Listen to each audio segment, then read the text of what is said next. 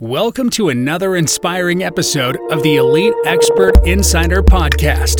Hosts Melanie Johnson and Jen Foster are the owners of Elite Online Publishing. They're both Wall Street Journal, USA Today best-selling authors. We're really glad you're here because this podcast was designed for you. Meet industry experts that share their secrets and strategies. Get successful results for your business in money, relationships, health, and your life. Each episode is going to inspire you to take action towards reaching your greatness. Hi, everyone. This is Melanie Johnson along with Jen Foster, my business partner at Elite Online Publishing. Hey, Jen. Hey, everyone. How's it going today? I've been having a great day. I've been having a great week, a great month. It's all been good. Um, and you know what? Everyone's coming out of this COVID thing, and but there's been all this transition, and there's still a lot of stress. So today, if you've ever felt like help, I want to get out of what I'm doing, and what to do when you are stressed out and from trying to keep it all together. I think we're all trying to keep it all together. Well, we have the author of the title of that book with us today, Claire Smith, and we're going to learn how to get unstressed from trying to keep it all together. Welcome, Claire. Thanks for joining us today. Thank you. It's so good to be with you, Jen and Melanie. Um, I, am looking forward to our conversation. Great. Well, Dr. Claire, tell us a little bit how you got started in this and helping and coaching people to relieve stress and to be guilt free about it. Yeah. So um, the simplest answer is it evolved. yeah. I, I think I've always been aware of um, people dealing with this because it's something I've had to deal with myself. Mm-hmm. And um, I, but being more intentional came more out of working with my clients. No, I must say the the first um, when I look back at the first book I wrote, even though it was about prayer, when I looked at the first paragraph, it had something about stress. So I think it's always mm-hmm. been an element of my work since I started coaching. But more um, recently, especially this last book, um, Help I Want Out What to Do When You're Stressed Out from Keeping It All Together, um, I um, noticed some things with myself and with my clients, and I was writing from that and um, being bringing it more to the surface now and being more intentional. Mm-hmm. You know, because I tend to work with leaders excuse me, and people who are busy. Because mm-hmm. um, some busy people are not leaders, though leaders tend to be busy. Uh, and so it's always this um, issue of managing expectations. Their own expectations, sometimes that's the worst, but also the expectations of other people. So managing that and um, trying to um, support them in the journey, I would say journey to freedom, where they're easier on themselves, mm-hmm. but also they're able to establish healthy boundaries and um, live knowing that you don't have to do everything and you don't have to be everything. That's a great point. So many of us think we have to be everything and do everything. And um, in one of your chapters, you talk about um, freedom of limits. So walk us through what does that mean, freedom of limits? Yeah. Um, so like I said, expectations and what we put on others. Um, mm-hmm. One of the things I say is that other people know what they need and what they want. Mm-hmm. They don't necessarily know what you need and what you want. So unless you determine your limits, you're always going to be at the mercy of other people's desires and other people's wants. So you have to set your limits, you have to communicate them. And, and so when you do that, it's freeing for both sides. So, um, and the limits um, are related to a few things. Um, they're related to, I would say, your sense of self. Mm-hmm. And in saying that, so things, the other things I think spill out from that. Your self understanding. Related to your self understanding is your knowledge of your call, um, your well, your purpose first, then mm-hmm. your call, then your um, assignment. And these um, allow you to know when to say yes and when to say no. They Mhm. also allow you to avoid the um, pitfall of um, seeking to be a people pleaser. Mm-hmm. No, being a people pleaser is different from pleasing people because I think in life we always have to please people. You know, it's just life is reciprocal. But when we're a people pleaser, we're coming from a place where we don't really know who we are and understand who we are. So we're getting our validation from people and doing things.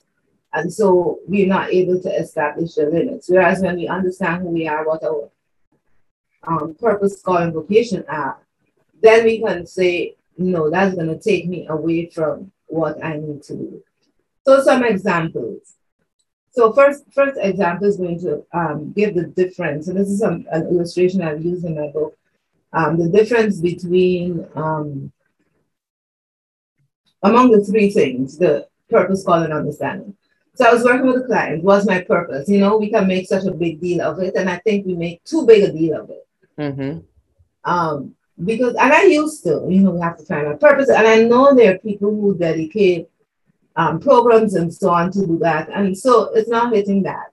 But I have become convinced that we're never far from our purpose. Now, when we know it, we can intentionally live into it. But our purpose is so integral to who we are that we're never going to be far from it.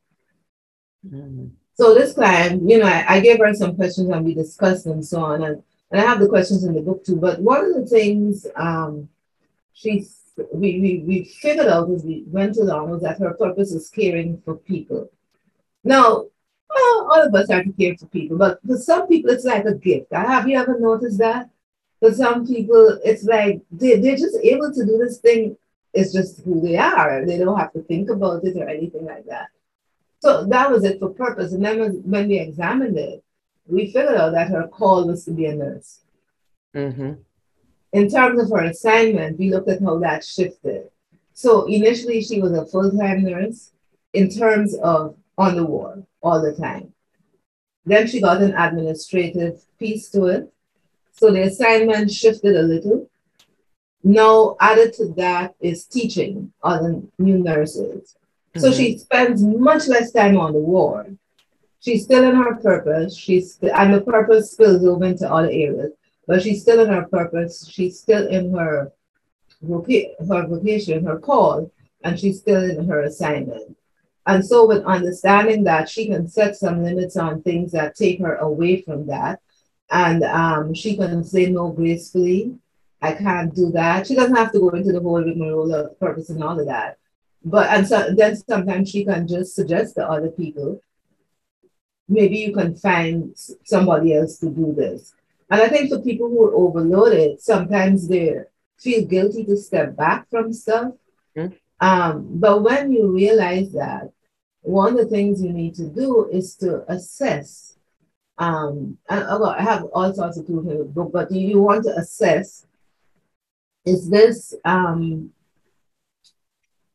of all the things I'm doing, what's the most essential? And, and then um, give people time to find somebody else. And if Mhm. possible, um, if possible, suggest somebody. You may not be able to suggest somebody, but don't allow people to guilt you into doing what you shouldn't be doing. Mm-hmm. Because, like I said, that. people know what they want and need, and they're not here to look out for you. You're Mhm. blessed when you have people who do that. Mhm. I think Um, so many times people will, sorry to cut you off, but so many times people who are serving all the time and doing things for others forget that they can say no because I think that they feel like they like almost like their purpose is to serve every single person and to say yes all the time. And they have to, you know, sometimes, especially certain personality types, say yes all the time. And then they don't have any time for themselves at all, not even time to sleep, you know? so, Right. And, and when that happens, so then we talk about boundaries and um, margins in your life. Before talking about boundaries and margins, there, there's a quick thing I want to mention to another example. It's like not as detailed as the previous one. I was working with a single mom, and she was concerned about her purpose as well. And, um, you know, wanting to do things, help friends, and all of that. But we came to the conclusion that her main call right now was her two children. And once we did that, she was able to filter out so many things. You know, we looked at, okay, you do one time for your friends. What does that look like? How much mm. time for that? You know, so there, there, I think there are simple things we can do um, to help with um, knowing how to Let's talk a little bit about um, in your book. You talk about your worth, your self worth um, you know, people's perception of you versus your perception of you versus um, God's perception of you. Um, let's talk about that and relationship worth too.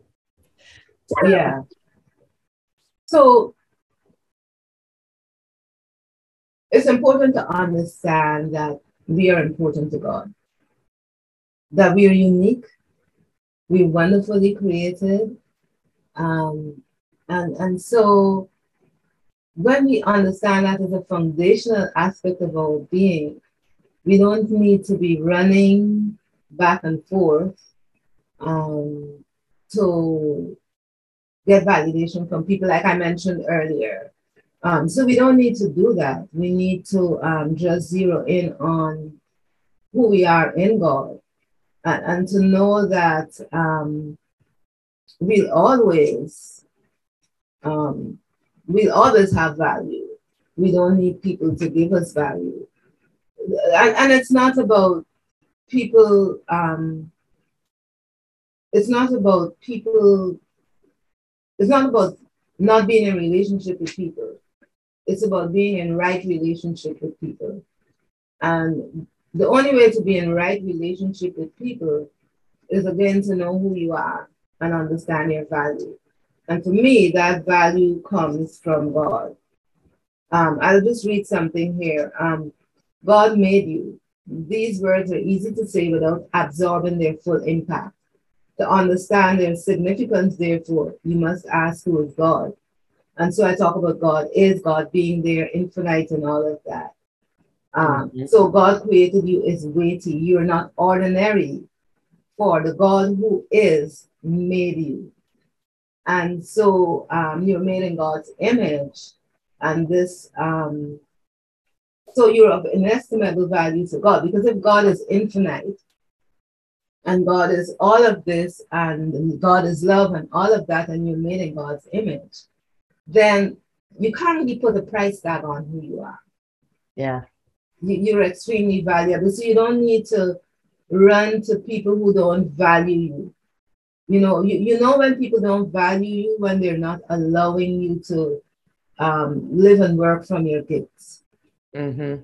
when they're not respecting the boundaries you're trying to set.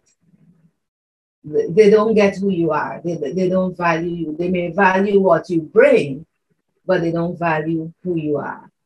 Yeah and and why margins and boundaries are important is because it's easy to lose sight of who god is and who we are and when we're running 24 7 almost, and the only time we stop is when we sleep, it's hard to remember who we are.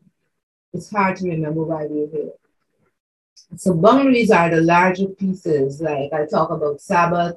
I don't use it in the strict sense of um, you know, the sixth, the sixth, and do nothing and so on. I, I, I think there's a place for that. And if you can do that, that's great. But at a minimum, you should be um, having, at a minimum, you, you, you should have one day where even if it's three hours, because I know for people with families, it might be a more trick, it might be more tricky. Mm-hmm. But even if it's three hours, you, you sign off from everything. You do nothing related to work. You pray, you uh, meditate, you read, you journal, you know, something inspirational, something uplifting. So that that's one type of boundary. Um, taking a break every now and then. I know I have to step back a couple of yeah, weeks ago. I, I just I really, stop. That really changed my life in a way. I had, you know, I've always prayed, um, but then it was given to me about praying for longer periods of time. Like, how long do you pray for? And all of a sudden, when I got into saying, oh, well, I should pray for 20 minutes or 30 minutes or an hour.